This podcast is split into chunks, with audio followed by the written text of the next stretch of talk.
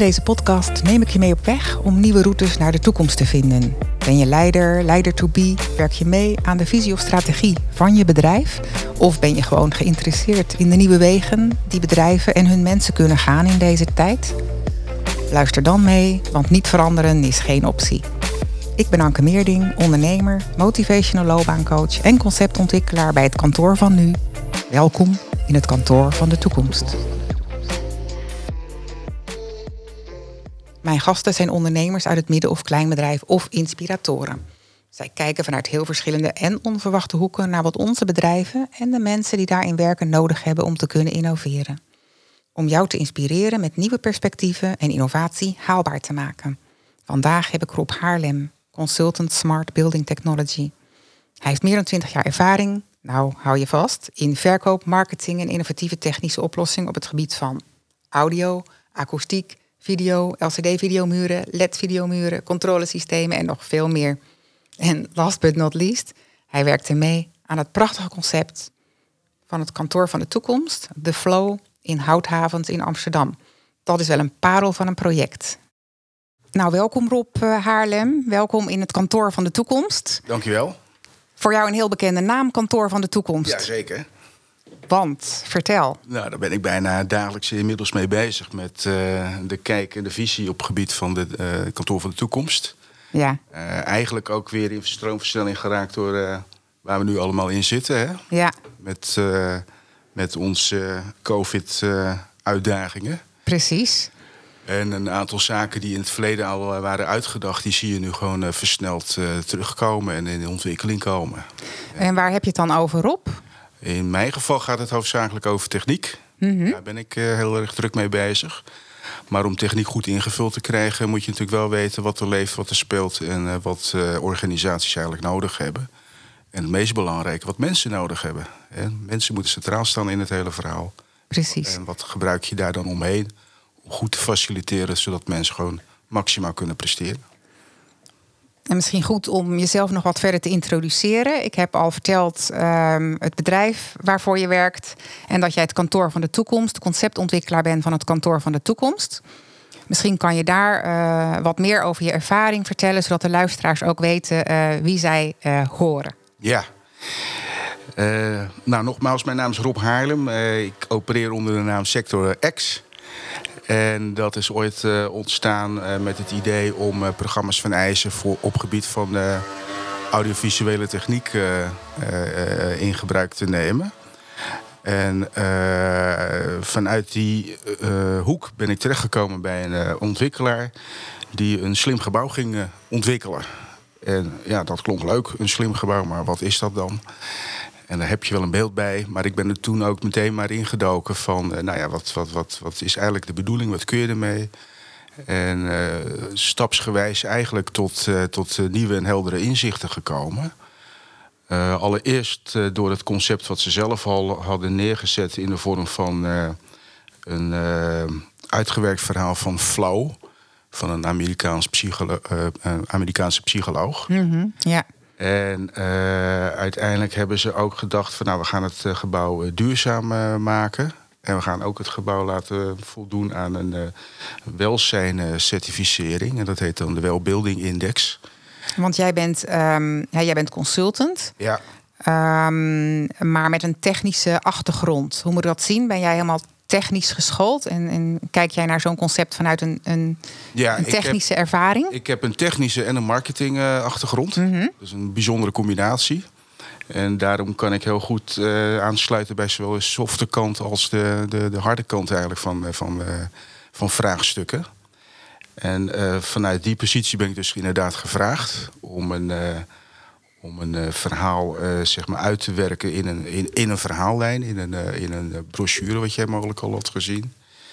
En uiteindelijk uh, was het dus de bedoeling om het concept wat zij daar uh, hebben Mhm. ook te verwoorden. Mm -hmm. En uh, eigenlijk ook om te zetten naar een slim gebouw. Van hoe vertaal je nou eigenlijk alle doelstellingen die we hebben naar iets wat slim is. En in mijn geval gaat het natuurlijk om van nou niet per se slim, maar wat doet het er dan ook toe?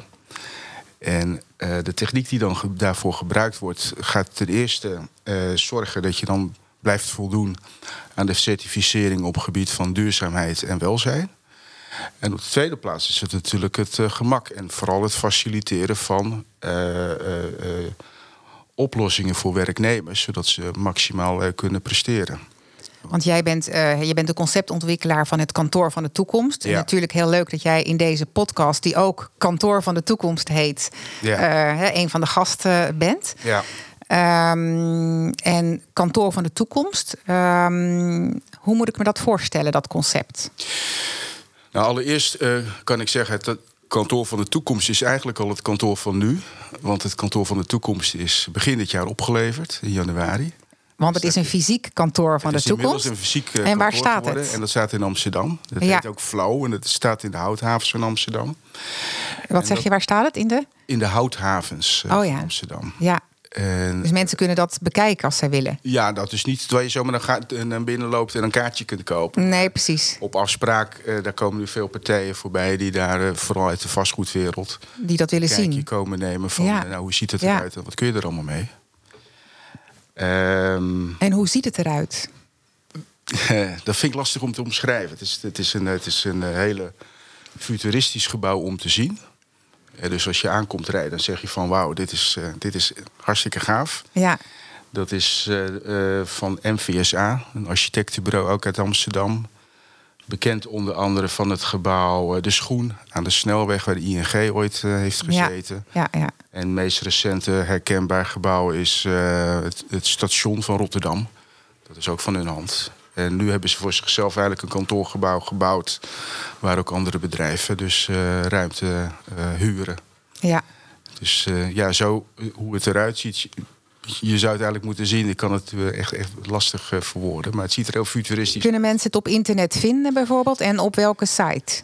Ja, als je gaat kijken op www.flow-houthavens.nl... dan zie je dus wat eigenlijk het kantoorgebouw uh, moet voorstellen. Ja. Ook de achtergrond. Mm -hmm. Dus dan krijg je al een, een beeld wat. Uh... Je krijgt ook de informatie erbij dan op de website. Ja, eigenlijk gericht op huurders en vastgoedontwikkelaars. Oké. Okay. Dus niet per se zeg maar de, de hele, het hele concept eigenlijk wat erachter zit. En daar zijn we trouwens nu mee bezig. Dus het is nu gebouwd, het is uitgewerkt. Maar uh, nu wordt het ook neergezet van, nou, het is een pilot. Wat leren we ervan en hoe kunnen we het uiteindelijk ombouwen? Dat we het kunnen reproduceren. Dus het wordt een, wordt een verhaal wat straks uitrolbaar moet zijn. Nou, je gaf net aan van, joh, door COVID-19 is um, kantoor van de toekomst eigenlijk in een stroomversnelling gekomen. Ja. Um, kun je daar wat meer over zeggen? Ja, um, het was natuurlijk uh, voor, uh, voor COVID al duidelijk dat we wat vaker thuis zouden gaan werken. Mm -hmm. In plaats dat we nu doen. Alleen er was natuurlijk wel wat koud watervrees. Want we zijn natuurlijk van oudsher uh, ingesteld dat we natuurlijk wel een beetje controle moeten gaan houden. Van ja, wat gaat iemand dan thuis doen? Precies. Gaat hij wel mm -hmm. doen wat we hebben met, met elkaar hebben afgesproken. Uh, maar de inzichten die waren in eigenlijk al, um, nou, ik denk gemiddeld een jaar of vijf geleden uh, op dat gebied. Dat er werd gezien van, nou, we gaan niet meer uh, specifiek op een inspanning richten, maar op een prestatie. En die prestatie maak je van tevoren duidelijk en die spreek je dus met elkaar af. Ja, precies, dat je meer resultaatgericht stuurt. Ja, dat klopt. En niet op input van uren. Ja. ja. Dat zie je bijvoorbeeld nu al terug hè, met, met allerlei uh, methodieken. Bedrijven gaan agile werken, dus er wordt gescrumd of er wordt via Kanban gewerkt. En dan krijg je dus dat mensen gaan staan in een, uh, in een ruimte. Mm -hmm. En dan uh, op een bepaalde manier gaan vastleggen wat ze dus die week gaan doen. Ja. In, in sprints noem je dat. Mm -hmm. En uiteindelijk, als iedereen dan daarmee heeft ingestemd, wordt gewoon vastgelegd wat iedereen die week gaat doen. En dan gaat iedereen weer terug naar zijn werkplek en gaat daar zijn werk verrichten. Maar ja, die werkplek hoeft niet meer op kantoor te zijn. Nee, dat kan precies. dus ook thuis zijn. Mm -hmm. En destijds was al inzichtelijk geworden dat het um, uh, de mixed reality zou gaan worden. Of uh, uh, mixed presence, sorry. En de mixed presence zie je dus nu terugkomen in ook allerlei ontwerpen. Dus wat wordt het kantoor van de toekomst? Er zullen minder werkplekken nodig zijn. Mm -hmm. Naar verwachting 25% sowieso vloeroppervlakte gaat verdwijnen qua, qua uh, Dus de kantorenmarkt verandert eigenlijk omdat uh, per bedrijf is er eigenlijk uh, 25% minder vloeroppervlak nodig. Ja, dus, dus, dus uiteindelijk zullen mensen wat meer thuis gaan werken. Mm -hmm. en, Blijvend eigenlijk. Dus jij zegt. nou, dat wordt een, een, soort verhouding. Hè. Mensen Mhm. vinden het natuurlijk wel fijn om bij elkaar te zitten. We zijn natuurlijk met z'n allen wel sociale diertjes. Ja. Dus helemaal thuis zitten wordt mensen ook niet gelukkig van. Nee. Wat er nu plaatsvindt is dat het uh, mensen is opgedrongen. Dus heel veel mensen zijn nu juist ongelukkig uh, van het thuiswerken. Maar waar het om gaat is uh, een stukje autonomie. Zodat je dus zelf in, zeg maar in kaart kunt brengen wat het beste voor jou werkt. Precies, dat je een mixed presence kan geven. Dat Precies. je kan kiezen van kom ik op kantoor? Ja. Is het nodig dat ik op kantoor ja. kom? Vind ik het zelf waardevol Precies. dat ik op kantoor kom? Precies. Dus dat mensen de autonomie hebben om die keuze te maken. Ja.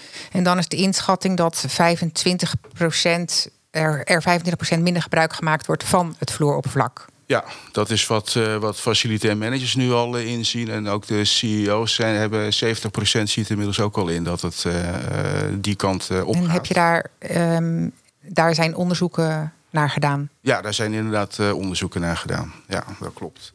Een van de rapporten waar ik het nu uithaal is bijvoorbeeld McKinsey titel weet ik even niet uit mijn hoofd. Maar dat zijn, ongeveer, dat zijn dan wel de, de bronnen waar ik uh, meestal naar kijk. Is McKinsey en uh, de International Wellbuilding Standard. Precies. Dus, en, een, en Deloitte.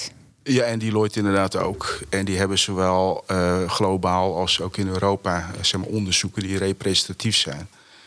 waarbij je dus een, met enige vorm van zekerheid wel kunt zeggen dat het die kant op gaat. Wat je daarin ook ziet, is dat daardoor uh, de kantoor, het, zeg maar, het kantoor meer een soort sociale hub gaat worden. -hmm. Dat houdt in dat er dus veel meer gaat uh, worden ingericht op uh, meetings, samenwerking, dus collaboration forms en dat soort zaken. De werkplekken zijn er wel, maar inderdaad, wat ik al aangaf, minder. Er gaan ook uh, satellietkantoren straks komen. dus als je bij een grote organisatie zit, hoef je dan niet per se continu meer naar het hoofdkantoor toe. Maar dat kan bij wijze van spreken ook om de hoek zijn. Waar je nog steeds wel look en feel hebt van, uh, van hoofdkantoor.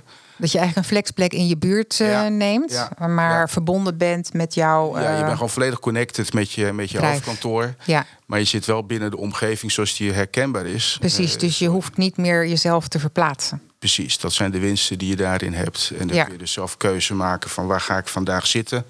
We hebben natuurlijk allerlei vormen van uh, technieken tegenwoordig ook tot onze beschikking met je telefoon. Dan zou je bijvoorbeeld al van tevoren kunnen reserveren. Van ik wil op dat plekje zitten. Nou, dat gaat dus uh, straks allemaal plaatsvinden. Ja, ja, ja. En dat kantoor van de toekomst, dat intrigeert mij uh, natuurlijk. Um, ja. Hoe ziet dat eruit? En wat is daar anders dan een kantoor zoals je dat nu hebt? Een standaard traditioneel kantoor? Ja. Nou, eigenlijk heb ik het net al een beetje aangegeven. Als je nu naar een kantoorruimte gaat, zie je bijvoorbeeld veel uh, kantoortuinen. Mm -hmm. nou, inmiddels zijn we al wel achter dat dat eigenlijk ook niet meer zo goed werkt en van deze tijd is. En we hebben last van elkaar.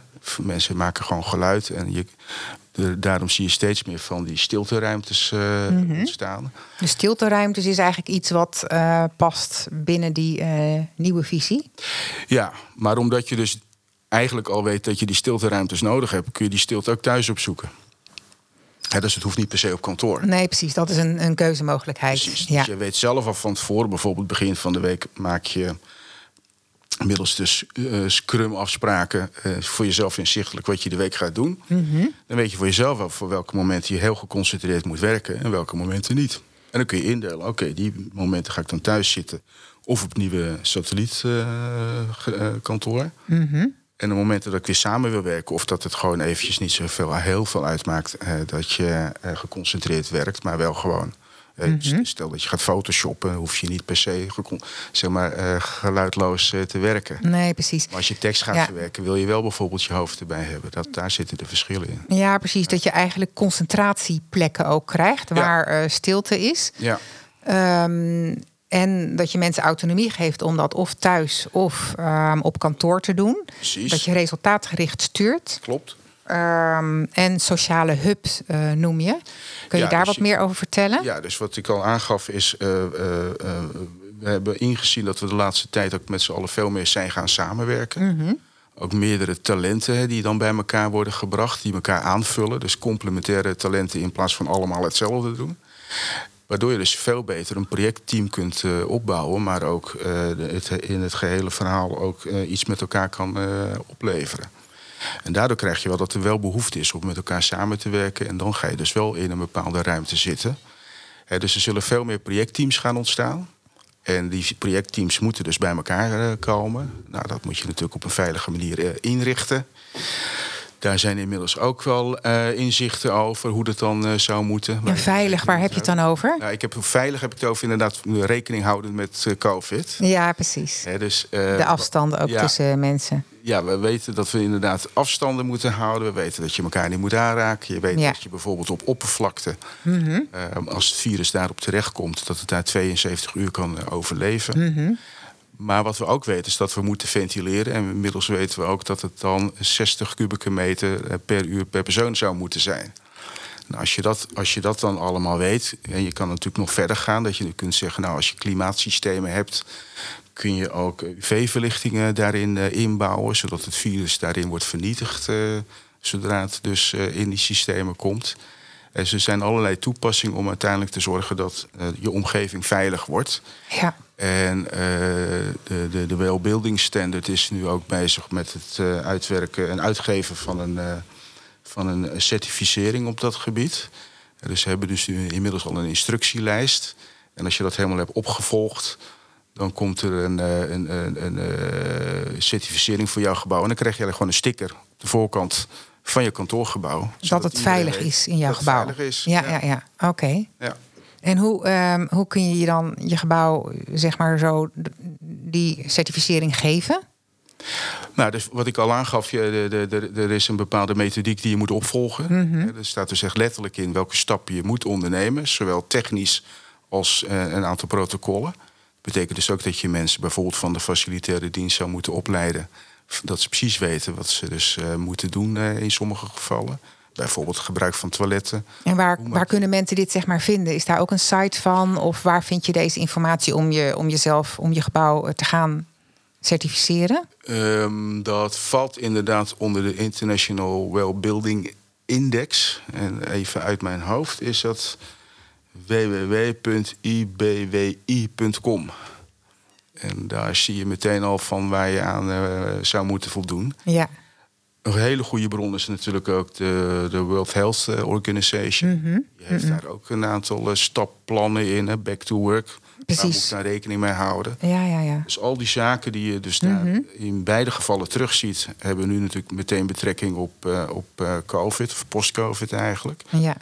En het kantoor van de toekomst sluit daar dus verder op aan... Dus daar, om daar ook bepaalde vormen van technieken op los te laten. dus die zorgen dat die lucht schoon is, ja. kun je ook automatiseren.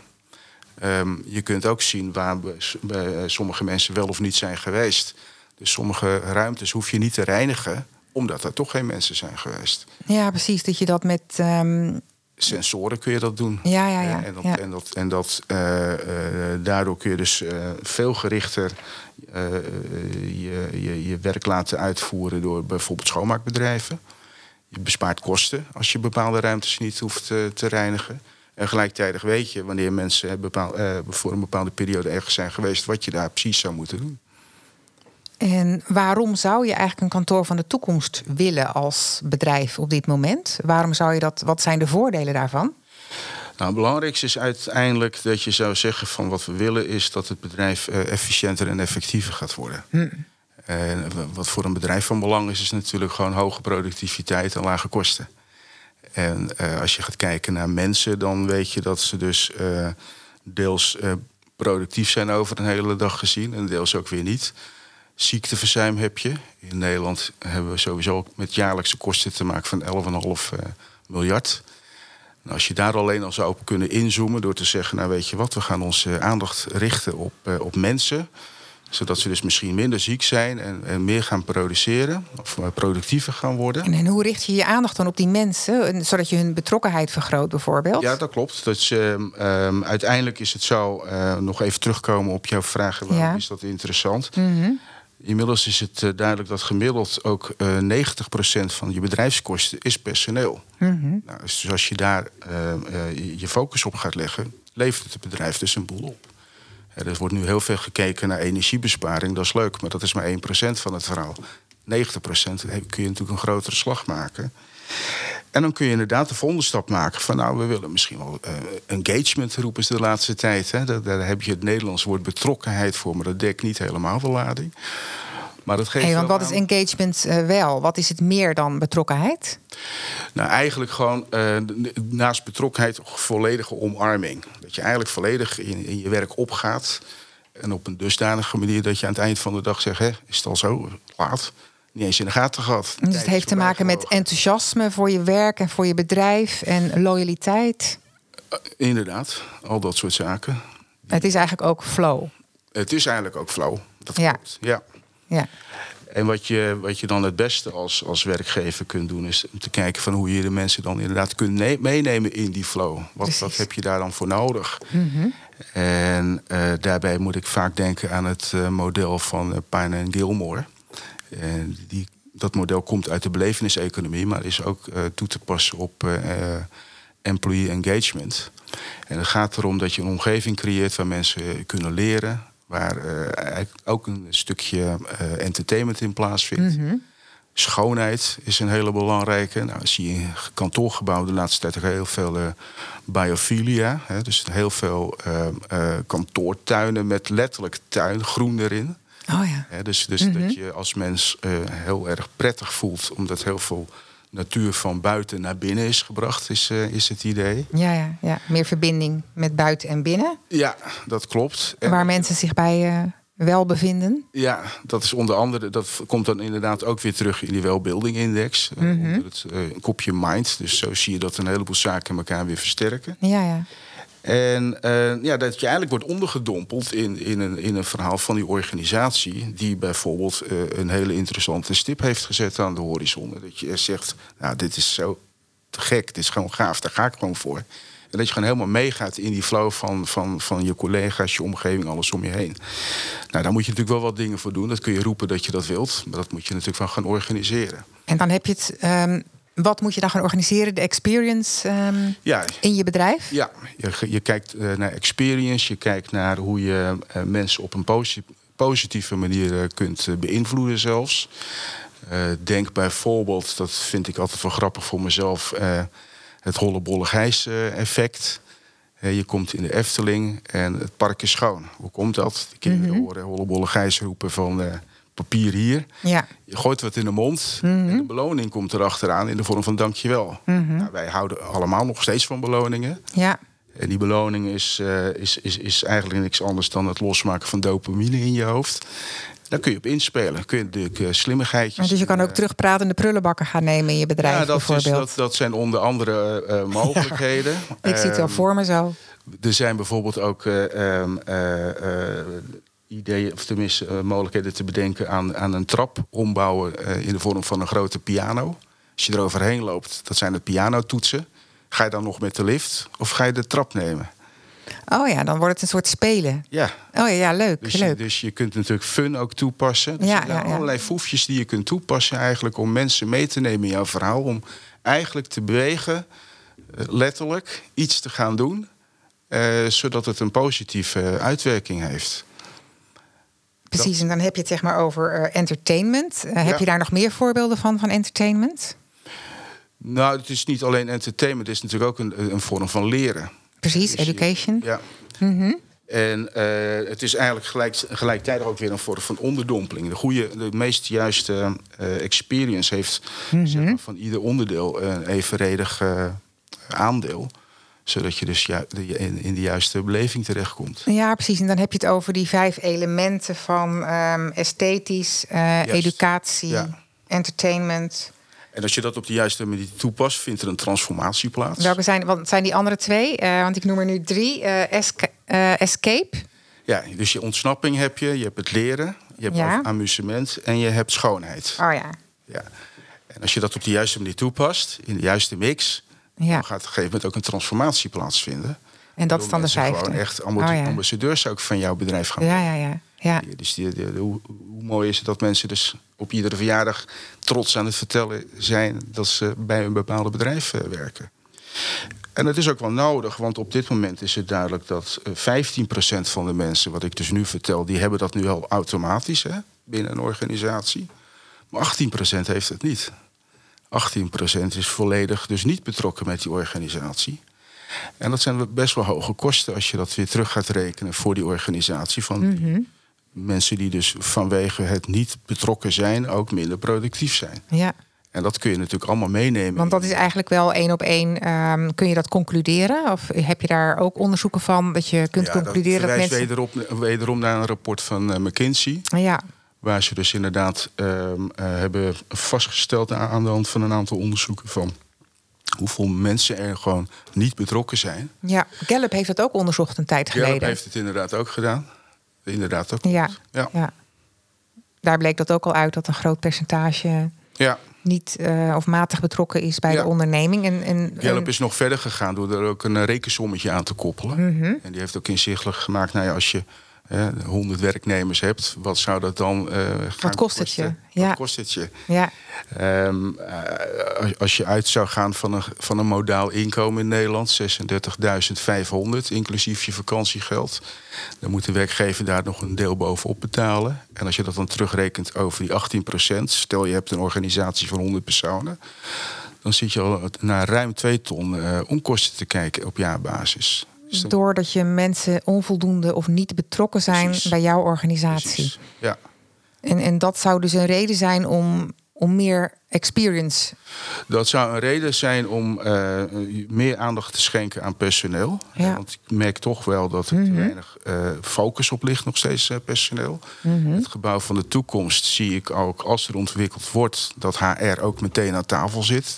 Die wordt bijna nooit betrokken. Die krijgen een kantoor. Kijk, gefeliciteerd, mooi kantoor. Nee, dat moet aan de voorkant al. Die moeten mee in die ontwikkeling. Ja, zodat zij mee kunnen denken hoe het is voor de mensen. Precies, want daar gaat het om. Het Ja. gaat om die mensen. Ehm, Want, want die- de dingen die jij noemt eh, gaan over eh, het gebouw. ja, En ook het gebouw moet uitlokken tot leren. ja, klopt. Ehm, en er zijn natuurlijk nog wel meer manieren om ehm, dat welbevinden van mensen te vergroten. Maar waar jij echt op focust in je, in je onderzoek en in je werk, is echt naar eh, hoe je dat vormgeeft in je gebouw. Ja, en omdat ik natuurlijk vanuit een technische kant daarnaar kijk, Ja. is natuurlijk hoe vertaal ik die eh, vormgeving uiteindelijk naar techniek. Ik zou natuurlijk veel verder willen inzoomen. Hè, want, want wat, wat, wat wil eh, de de HR-manager? Wat wil de facilitair manager? Daar weet ik allemaal nu eh, iets van. Maar ik ben geen HR-manager. En Nee. ik ben natuurlijk ook geen facilitair manager. En die is die, eh, die eh, zeg maar, eh, couleur lokaal, die zul je dus gewoon gezamenlijk eh, moeten gaan invullen. Nee, precies. Maar als je aan het werk gaat in een bedrijf, Ja, ehm, heb jij ook een projectteam nodig ehm, zeker. met andere zeker. professionals natuurlijk. Ja, het gaat altijd over maatwerk. Mhm. Dus we, we, we, we, leveren uiteindelijk een oplossing aan die je eh, met, met 100.000 knoppen. En die knoppen die kun je allemaal specifiek instellen, eh, afgestemd op de DNA van de organisatie. En zo krijg je uiteindelijk gewoon de juiste eh, oplossing voor, eh, voor iedereen. En dan zul je zien dat uiteindelijk de doelstelling, wat ik al eerder aangaf, de productiviteit gaat toenemen, ziekteverzuim neemt af. Dus de organisatie gaat erop vooruit. Als je mensen geconcentreerder laat werken en autonomie geeft, worden ze ook veel creatiever. Eh, Creativiteit dachten we altijd, als we ze bij, bij elkaar zetten en ze gaan brainstormen, komt er heel veel uit. Dat is zo, maar als je het in je uppie doet, komt er nog meer uit. Want niet iedereen in een groep durft zijn vinger op te steken. Of de groep wil wel eens roepen dat een idee belachelijk is, terwijl het helemaal niet belachelijk is. Nou, als je mensen juist die vrijheid geeft om dat thuis te doen, te concentreren of, of, of in, een, eh, in een omgeving waar dat kan, komt er gewoon veel meer uit. Met Oké. andere woorden, innovatie, heel belangrijk voor bedrijven, gaat floreren. Dus je productiviteit gaat omhoog, innovatie gaat omhoog, ziekteverzuim omlaag. Dat zijn eigenlijk de doelstellingen voor, eh, voor bedrijven. En voor mensen vertaalt het zich van die gaan zich helemaal prima voelen. Want uiteindelijk wat je daar doet, past precies bij wat je wilt.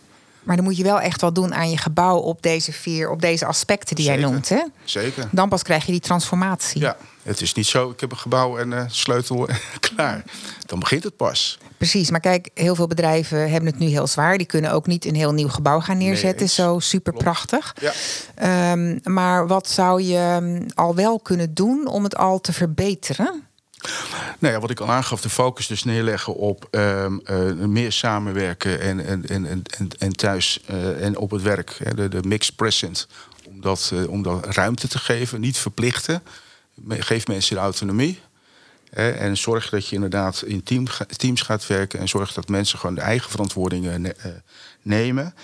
En eh, ja, eens per week samenkomen. Kunnen ze gewoon met, met, met elkaar laten zien. Joh, ik heb dit afgesproken. eh, Dit heb ik nu opgeleverd. Dan ben je dus inderdaad bezig met een prestatie en niet met die inspanning. Uiteindelijk moet je natuurlijk wel inspanning verrichten, maar je, je hoeft niet per se. Nee, maar de een kan het sneller dan de andere ja, ook. Daarom, daar Ja. gaat het om. En je weet dus met z'n allen heb je, heb, eh, heb je wat afgesproken en dat leef je op aan het eind van de week. Precies, dus dat is meer resultaatgericht werken. Ja. En dat is eigenlijk een andere manier van sturen. En dat hoeft niet direct ehm, investeringsgeld eh, te kosten, maar dat Nee. vraagt alleen een, een verandering ook van de aansturing. Klopt. Ehm, heb je nog meer eh, ideeën die bedrijven kunnen toepassen met een, eh, een kleine of geen investering, maar dingen die je gewoon zo kan veranderen? Puur om bedrijven al een stukje op weg te helpen. Ja, het wordt voor mij wat lastiger, omdat ik natuurlijk elke keer wel vanuit die technologiehoek kijk.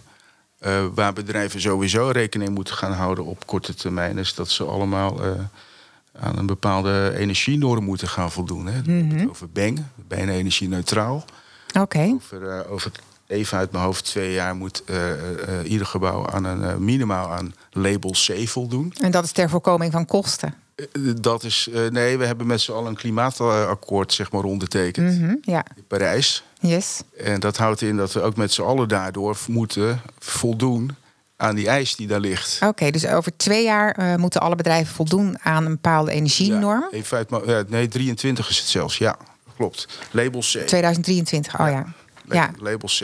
En, en wat moet daarvoor, eh, waar, moet, waar moet je bedrijf dan aan voldoen? Ik heb de getallen niet in mijn hoofd zitten, maar je moet Zo uiteindelijk eh, zorgen dat je eh, met bijvoorbeeld isolatie een heleboel doet. Hè, dat heel veel warmte bijvoorbeeld niet eh, wegloopt. Dat je precies weet hoeveel je verbruikt. Er wordt gekeken, nou voor thuisgebruik heb je het over warmtepompen. Bij bedrijven, afhankelijk van de grootte, kan een warmtepomp ook. Of je kijkt naar eh, zeg maar waterkoude opslagoplossingen. Dat zijn allemaal zaken die je moet inzetten om uiteindelijk zo min mogelijk eh, footprint achter te laten. Precies, dus bedrijven worden dan ook meer ehm, nou ja, afgerekend of bevraagd op, ehm, op hun footprint. Ja, Als het gaat om milieu. ja, dat klopt. Dus je bent verplicht om daaraan te voldoen. Eh, er zijn er ook een, een, een heleboel bij die eh, de ambitie hebben om bijvoorbeeld helemaal naar nul te gaan. Eh, Microsoft is er eentje van. Die wil in 2030 willen die gewoon helemaal energie-neutraal zijn. Precies, en dat is dan ook natuurlijk iets om jezelf op voor te staan. Waardoor medewerkers misschien meer engagement krijgen. Omdat ze denken van hé, hey, dit is een bedrijf met een missie. Exact. En dan komen we eigenlijk uit op corporate governance, waar een heleboel bedrijven, vind ik, nog te weinig aandacht hebben geschonken. Dat is wel de manier om inderdaad juist je pe- personeel mee te krijgen, maar ook je klanten. Ja, Wie weet, die, als zij weten waar je voor staat, gaan ze je misschien nog wel meer omarmen dan dat ze al doen. Eh, Apple gaat er ook al in mee. dus, je moet, eh, dus, dus als je die visie gewoon met, met z'n allen oppakt en, eh, en, en ook als taak neerzet voor de toekomst, heb je natuurlijk ook een doelstelling waaraan je kunt werken. En dat kun je natuurlijk ook, zeker weer met technologie, terugkoppelen. Want je verzamelt ook al die data. En al die metadata kun je natuurlijk op een gegeven moment weer gebruiken om eh, trends eh, in te zien, maar ook voor, voorspellingen voor in de toekomst. Kun je nou een, een aantal voorbeelden geven van eh, technologische oplossingen waarmee je het kantoor van de toekomst eigenlijk helemaal kunt vervolmaken? Ja, dat kan op verschillende manieren en wijzen. Ehm, eigenlijk als je het zou ehm, eh, willen indelen in, in, in, in, in stappen of in fases, zou je kunnen beginnen met het ehm, slimmer maken van eh, het klimaatsysteem. Dus dan heb je het meer dan over ventilatie. Ja, Dus ook temperatuur. Exact. Kijk, thuis weten we allemaal dat je een thermostaat hebt. En je zet, het, eh, zet, je, je zet hem hoger of lager. Mhm. Eh, Nagelang wat je voelt, stelt je dat, eh, stel je dat ding in. Maar het komt heel vaak voor dat je denkt... goh, ik heb het koud. Ik doe vijf graden omhoog en dan is het weer te warm. En dan doe je weer om... Dus je bent elke keer aan het naregelen. Als je natuurlijk van tevoren weet, ja, maar 23 graden vind ik altijd lekker, kan natuurlijk ook het gebouw dat alvast voor jou doen. En uh, als er dus meerdere mensen zijn die uh, 23 graden lekker zijn en vinden, mm -hmm. en er zijn er wat minder die 22 graden lekker vinden, kun je ook een gemiddelde laten beslissen door het gebouw. Zodat je altijd zorgt dat je op de juiste manier omgaat met temperatuur, mm -hmm. waardoor de, zeg maar de verwarming niet continu aan en uit gaat. Nee, dus precies. ook daardoor weer energie aan het verspillen is. Ja, ja, ja. Dus gewoon op een ja. constante manier zeg maar, bezig om die temperatuur op orde te houden. Precies, dus of dat het nou gaat in de over... zomer is of in de winter is, dat Ja. maakt niet zoveel uit. Dat gaat over klimaatbeheersing. Als je, dan, als je, dat, als je dat dan koppelt aan bijvoorbeeld eh, slimme oplossingen met zonnewering, zou je natuurlijk kunnen zeggen als het warm is, dat doen we hier ook, doen we de gordijnen dicht. Mhm. Maar dat kan ook de zonnewering doen. Ja. En als je dat zonnewering automatisch laat doen, hoeft de ruimte niet eh, met, eh, gekoeld te worden door de airco. Dus dat, dat kun je natuurlijk ook, omdat je systeem aan het aan bijvoorbeeld een weersite hangt. Dat ze dus weten, vandaag wordt het 30 graden. Kun je ook anticiperend werken. Dus je kunt al van tevoren. ja, precies. Daar zit het slimme dan in. Dat je ook anticiperend werkt en Ja. het koppelt aan data over eh, het Klopt. weer. Klopt. Ja. Ehm, en, en wat grotere gebouwen maken tegenwoordig ook gebruik van eh warmte-koude opslag, WKO-installaties. Met andere woorden, warmte eh, wat je uiteindelijk in de zomer opwekt, sla je op in de grond. In de winter heb je het eh, koud en dan haal je het weer naar boven. Nou, hoe, hoe komt die warmte daar in die grond? Dat is meestal is dat water. Bijvoorbeeld gebruik je zonnepanelen, maar je zit natuurlijk van hoe ga ik die, hoe ga ik die energie daarvan opslaan? Kun je omzetten naar warmte. Oké. Je kunt water mee verwarmen, kun je opslaan in de grond. Ja. Je kunt natuurlijk ook zeggen van als ik eh, een eh airco-systeem gebruik, dan wat, wat, wat het systeem doet, is eigenlijk warme lucht, lucht onttrekken uit een ruimte. En die kun je naar buiten voeren. Maar je kunt het ook weer gebruiken om water mee te verwarmen en op te slaan in de grond. Dus eigenlijk allemaal van dat soort slimmigheden ga je dus uiteindelijk zorgen dat je een soort buffer hebt van koud en warm. En Ja, dat ja, gewoon ja. je nodig hebt weer eh, eh, gebruiken. Mhm. Wat ook gebeurt, en dat, dat is een, eh, een, een iets lastiger verhaal nu in, in geval met, met corona, Mhm. Is dat je kunt zeggen, nou, sommige, ruim, sommige gedeeltes van een gebouw zijn mogelijk door de zon warm en andere zijn weer koud. Waarom onttrekken we de warmte niet van het ene gebouw uit die, uit die ruimte en blazen we het naar die koude gedeelte toe? Ja, ja. Oh ja. Maar dan gaan we dus in dit geval corona circuleren. Dat ja, willen ja, we precies. niet. Nee, nee, nee. nee. Alleen als je daar weer die slimme filters tussen stopt, wat ik al eerder aangaf, en zelfs misschien met UV-oplossingen, kun je dat weer wel doen. Ja, precies. Dus dan heb je het over recirculatie van, eh, van, van lucht, wat je niet per se eh, elke keer naar buiten hoeft af te voeren, maar als je er slim mee omgaat, weer in andere ruimtes eh, kunt gebruiken, zodat het daar ook warm wordt. Kost je dus geen extra energie. Nee, precies. En heb je ook nog oplossingen voor licht? Ja, wat heel belangrijk is voor ons, is ons uh, waak-slaapritme. Licht is nu voor iedereen een, eh, zeg maar een lampje aan of uit. Maar als je gaat, goed gaat kijken, zie je bijvoorbeeld dat de kleur eh, van licht hierboven, hè, de kleurtemperatuur, is anders dan buiten. En eh, buiten is het wat meer blauwig en hier is het wat meer warm, wat gelig. Ons lichaam is eigenlijk ingesteld op wat er buiten gebeurt, niet wat er binnen gebeurt. Nee, precies. Op de lichtsterkte van buiten. Nee, de kleur. Dus het wordt biodynamisch licht. Ge- dat eh, is dus synchroon als aan de kleurtemperatuur van buiten. Dus je krijgt een soort daglicht wat meekleurt met wat er buiten gebeurt. Dus 's avonds is het wat warmer de kleur. S ochtends vroeg is het een hele, hele eh, eh, koude kleur. En dus het heeft meer te maken met kleur dan met aantal lux.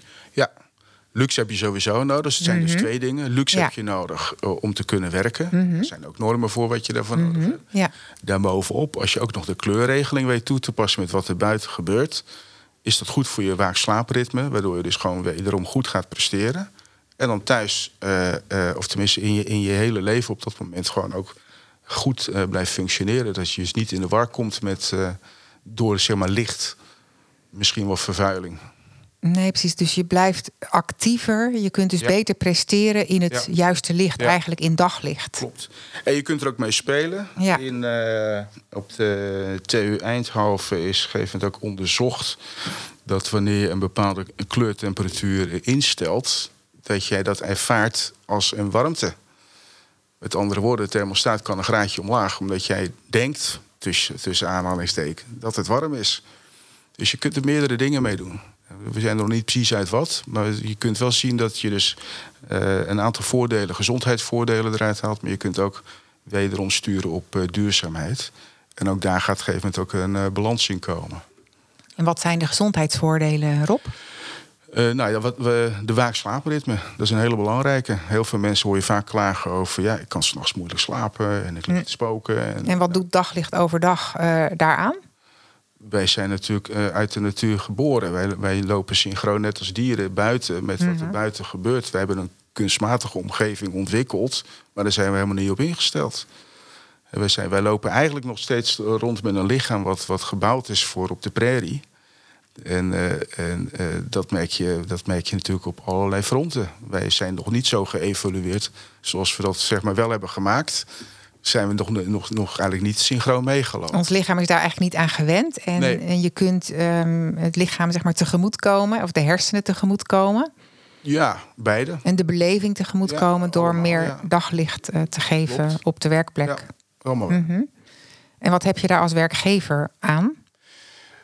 Nou, dan kom je weer terug op dat eerste gedeelte. Hè. Dus de productiviteit die gaat, voor, eh, die gaat toenemen. Mensen zitten beter in hun vel. Mhm. Dus eh, welzijn eh, wordt beter. Dus die hele beleving weer op je werk in combinatie met alle, allerlei omgevingsfactoren maakt dat je gewoon een geoptimaliseerde omgeving hebt. Eh, we zijn met z'n allen. Ik moet vaak denken aan, aan kwekers die in hun kas de prachtigste planten aan het, aan het kweken zijn. Wat doen ze? Ze optimaliseren de omstandigheid. En dat kan met mensen ook. Wij zijn niks anders daarin. Zolang je onze om- eh, eh, omgeving optimaliseert, gaan we floreren. En we daarbovenop zijn we natuurlijk wel anders dan dieren en, en, en planten. Als we dan ook nog inhoud krijgen, zingeving, stip aan de horizon, wat dan ook. Dan gaan we nog rennen ook. Nou, dat zijn allemaal zaken die we gewoon eh, weten. En nu wordt de volgende stap, hoe voeg je dat samen? En waar kan technologie in mijn geval dan een handje helpen? Precies. En ehm, heb jij voorbeelden van waar dit eigenlijk al heel mooi wordt toegepast? Ja, dat gebouw waar ik aan heb samengewerkt, wat begin dit jaar is eh, opgeleverd, de Flow. Daar wordt het exact zo toegepast. En waar kun je dat vinden? Eh, in de houthavens, de Flow. Eh www.flow-houthavens.nl En is dat het gebouw waar, het nu, eh, waar dit nu te vinden is? Of zijn er nog meer gebouwen waarvan je zegt meer bedrijven die dit heel goed ik doen? Weet, eh, ik weet dat het WTC in Utrecht ook eh, voldoet aan de BREEAM en WEL-certificering. Er zijn er ook meerdere die zich daar nu op, op richten. Ik ken ze niet allemaal uit mijn hoofd, maar er zijn ook wel op internet eh, ehm, gebouwen terug te vinden die daaraan voldoen. Ehm, je hebt de Dutch Green Building Council. Die houdt bij waar alle BREEAM-gebouwen staan. En waar staat Brium precies voor? Ja, BREEAM exact weet ik niet even te reproduceren. Maar- Maar, het maar- heeft met eh, duurzaamheid. Ja, ja, oké. oké. Ja. Dus echt een goed duurzaam gebouw eh, volgens de regels van nu. Ja, alleen de duurzaamheid die daarin staat... eh, Mhm. heeft dus ook te maken met de wijze waarop je het gebouw bouwt. Ja, dus eh, van, van, van zeg maar, opbouw tot in gebruik... wederom een zo laag mogelijk footprint. Daar komt het op neer. oké. Ja. Heb jij nou tips voor bedrijven die ehm, echt hiermee aan de slag willen? Ehm, wat zouden nou jouw, eh, jouw tips zijn voor die bedrijven? Nou, kijk eerst intern hoe het gaat met je mensen. Zitten die allemaal lekker in het vel? Hebben die allemaal hetzelfde op de netvlies staan? En beweeg je met z'n allen de richting op die je, die je dan zou willen? In de vorm van een onderzoek of een enquête of eh, gewoon een. eh, Nou, exact wat gesprek. je voorstelt. Of een goede coach vinden. of een goede organisatie vinden. Wat, eh, die dat wat het doet. bedrijf richting kan geven op dat Ja. gebied. Mhm. Ehm, de volgende stap is natuurlijk, nou, ik, als, je, als je zegt, nou, ik ben wel inmiddels zover om mijn bedrijf te optimaliseren, met, op gebied van, van techniek, of misschien moet ik wat gaan verduurzamen of wat dan ook. Daar zijn diverse programma's voor. Ik weet ze helaas even niet te reproduceren, maar als mensen contact opnemen, kan ik uiteraard wel dat voor hen uitzoeken. maar dan moet je denken aan op de eerste plaats het in kaart brengen van wat moet er nu allemaal gebeuren om straks te voldoen mhm. aan, de, aan, de, regelgeving op gebied van labeling hè, die, je dan, uh, die je dan in huis moet hebben. En uh, daarbovenop zou je kunnen zeggen, nou het is wel interessant om, om, om ook de kant van uh, slimme technieken toe te gaan passen. Het smart maken van gebouwen. mensen mee te nemen in, in, in, in mijn engage, engagement. En dat gaat zover um, tot en met totale digitale kopieën maken van het gebouw. Zodat je blijvend kunt optimaliseren, trends kunt zien. dat je kunt zien wat voor effect het heeft op je bedrijf. Ja. Oh, ja. Dus je kunt, je kunt metingen doen bij personeel. Mm -hmm. hè, wat mhm. is je beleving op je werk? Maar je kunt ook een meting doen van hoe is het energieverbruik geweest in een, gedurende een bepaalde periode hoe vaak is de hammam gebruikt die we hebben geïnstalleerd. Mhm. Dat zie je nu ook vaker terugkomen. Mensen worden geïnspireerd om uh, met de fiets te komen naar het mhm. werk. Ja. Maar dan moet je wel een douche hebben. Want je vindt het niet fijn om bezweet uh, op je werkplek te gaan mhm. zitten. En als je dan ook promoot dat mensen meer moeten gaan bewegen en goed moeten gaan eten dan heb je natuurlijk wel een. Uh, doe je er verstandig aan ook daar voorzieningen voor uh, in aan te brengen. En je ziet ook dat cateraars daar nu op inspringen. Hè? Die dan uh, uiteindelijk volledig verantwoord voeding aanbieden. En je ziet ook dat er ook weer wordt gespeeld in beleving. Bijvoorbeeld, mensen vinden het leuk om naar die foodtruck festivals te gaan. Maar die foodtruckfestival uh, medewerkers, die doen door de week niks. Maar waarom huur je ze dan niet in? Eén dagje in de week. Dus de, de ene keer staat dan de biologische uh, soepmaker staat dan daar. En de volgende dag staat er de, de, de, de, biologische bakker staat er dan daar. Dus je krijgt veel meer uh, beweging ook in je bedrijfsrestaurant. Dus van zeg maar simpele kantine tot en met een inspirerende omgeving weer. Waar je dus ook gewoon op je voeding let. En waarom is dat belangrijk? Als je mensen weer gezond zijn, gaan ze weer beter produceren. En zijn ze minder ziek. Wat boeit jou zelf aan, aan deze onderwerpen? Het leuk vind ik dat je.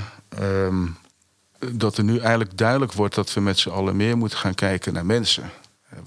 Ik heb me altijd met techniek bezig gehouden. Hartstikke leuk, nog steeds. Maar ik was bezig met foefjes. En ik zie nu pas in van nee, het is een instrument. Het gaat om mensen. En hoe kan ik met die instrumenten mensen helpen gewoon beter te worden? Mhm. Hoe kan ik bedrijven helpen om beter te worden? Hoe mhm. kan ik zorgen dat we met z'n allen minder uh, footprint achterlaten? Hoe zorg ik eigenlijk dat we met z'n allen er beter op worden? Dat is eigenlijk het verhaal. Dus die verbinding tussen techniek en mens. En dat is zeg maar, dat dringt steeds verder ook bij jou door van hoe ja, hoe dat verbonden is eigenlijk. Ja, hoe dat verbonden is en hoe dat uiteindelijk het, eh, zeg maar, het een het ander versterkt. Ja. ja. ja. Mooi. Rob, dankjewel. Juist buiten de gebaande paden vind je de mogelijkheden voor innovatie. Op de gebaande paden moeten we ons zo aanpassen. Ik voel me daar niet zo bij op mijn gemak. We zijn gewoon te uniek en er zijn unieke paden buiten de gebaande paden die ons veel meer maatwerk leveren en die ons verbinden met de natuur en met elkaar. Ik denk dat innovatie de mensheid helpt unieke oplossingen te vinden. Als die positief worden ingezet en niet de natuur verwoesten, want dan, dat keert zich tegen ons en dat zie je nu gebeuren, en mensen helpt weer in verbinding te komen met elkaar, kunnen we bouwen aan een positieve toekomst. Je kunt groot denken en klein beginnen. Met deze podcast wil ik bedrijven en hun mensen inspireren groot te denken en handreikingen en stappenplannen geven om klein te beginnen.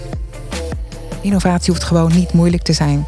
Met deze podcast wil ik bedrijven in het midden- en kleinbedrijf innovatietips geven en mijn e-book de Innovatie Toolbox aanbieden. Met daarin een zeven stappenplan hoe je jouw medewerkers leert zelfstandig te innoveren. Zo leer je voorop te lopen in je markt en creëer je meer succes, groei en winst. Zo is innovatie niet alleen high-tech, maar ook goed voor mensen, water en groen. Door wendbaarder te worden, leren we omgaan met onzekerheden en vinden we nieuw perspectief. Zo is innovatie geen eenmalige actie, maar een duurzaam en integraal onderdeel van je bedrijfscultuur. Dat merken je medewerkers, maar dat zien ook je klanten. Zo ben je wendbaar en kunnen je bedrijf en je medewerkers flexibel meebewegen met de ontwikkelingen. Ik geef ze je cadeau. Download het e-book www.hetkantoorvannu innovatietoolbox. Innoveer en vergroot je bestaansrecht. Ik wens je voor nu een hele mooie dag. Dank voor vandaag en tot volgende week bij de gloednieuwe podcast van Kantoor van de Toekomst.